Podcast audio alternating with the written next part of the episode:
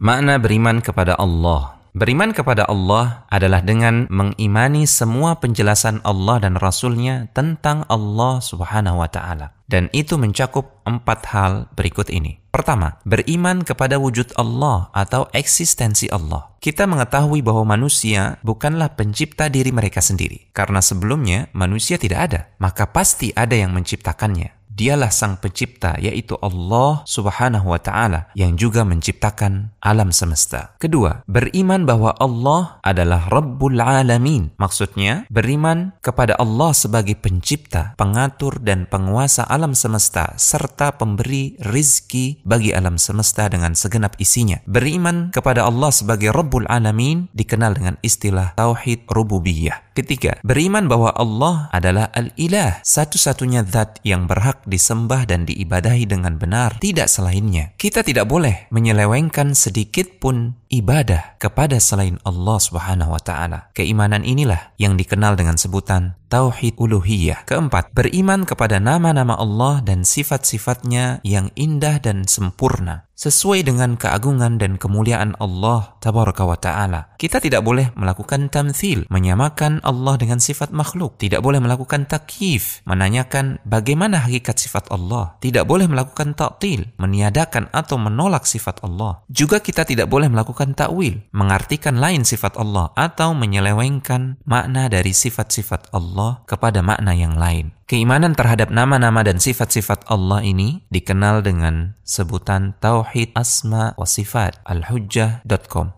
Makna beriman kepada malaikat Allah Malaikat adalah makhluk Allah yang tercipta dari cahaya yang senantiasa beribadah dalam ketaatan kepada Allah Subhanahu wa taala. Mengimani malaikat maksudnya adalah mengimani segala penjelasan Allah dan Rasulullah Shallallahu alaihi wasallam tentang malaikat dan itu mencakup empat hal. Yang pertama, mengimani wujud mereka atau keberadaan mereka. Yang kedua, mengimani malaikat yang telah dikabarkan kepada kita nama-namanya. Allah mengabarkan nama-nama sebagian malaikat di dalam Al-Quran, maka kita wajib untuk mengimaninya. Adapun nama-nama malaikat yang tidak disebutkan di dalam Al-Quran maupun As-Sunnah, maka kita wajib mengimaninya secara global bahwasanya Allah memiliki malaikat dalam jumlah yang banyak. Ketiga, mengimani sifat-sifat malaikat. Segala kabar yang datang kepada kita melalui Al-Quran dan melalui Rasulullah Shallallahu Alaihi Wasallam tentang sifat-sifat malaikat, maka kita wajib mengimaninya. Keempat, mengimani tugas malaikat yang telah dikabarkan kepada kita. Masing-masing malaikat diberikan beban tugas yang berbeda oleh Allah Subhanahu wa taala. Di antara mereka ada yang bertasbih sepanjang malam dan siang, ada yang beribadah, bersujud dan ada yang senantiasa melakukan tawaf di Baitul Ma'mur.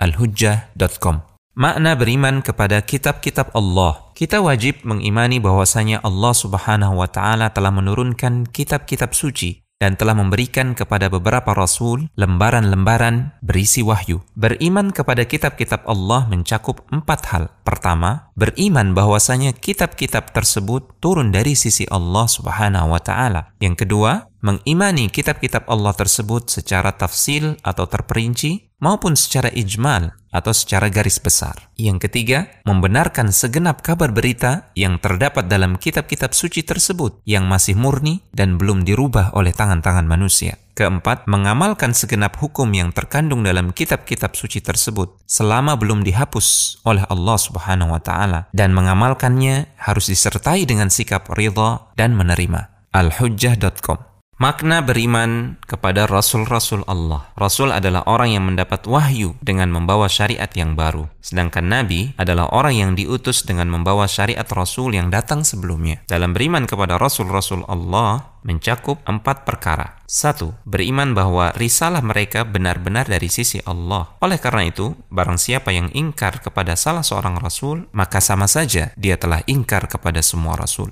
Kedua, mengimani Rasul yang telah diberitahukan kepada kita namanya. Adapun Rasul yang tidak diberitahukan namanya, maka kita mengimaninya secara ijmal atau secara garis besar. Ketiga, membenarkan berita mereka yang sahih. Keempat, mengamalkan syariat Rasul yang diutus kepada kita. Dan Rasul yang diutus kepada kita sekarang adalah Muhammad Sallallahu Alaihi Wasallam. Beliau adalah penutup para Rasul. Tidak ada lagi Nabi setelahnya. Artikel muslim.or.id Makna beriman kepada hari akhir Beriman kepada hari akhir adalah beriman kepada tanda-tanda hari kiamat seperti keluarnya Dajjal, turunnya Nabi Isa alaihissalam, keluarnya Ya'juj dan Ma'juj, serta terbitnya matahari dari barat. Sebelum tibanya tanda-tanda tersebut akan didahului tanda-tanda kecil hari kiamat. Di antaranya adalah diangkatnya ilmu, yaitu dengan banyak diwafatkannya para ulama, perzinaan merajalela, wanita lebih banyak daripada laki-laki, amanah akan disia-siakan, dan urusan diserahkan kepada yang bukan ahlinya banyak pembunuhan, dan banyak terjadi gempa bumi. Beriman kepada hari akhir juga membantu seseorang untuk tidak berlebihan terhadap dunia dan tidak menjadikannya sebagai tujuan hidup.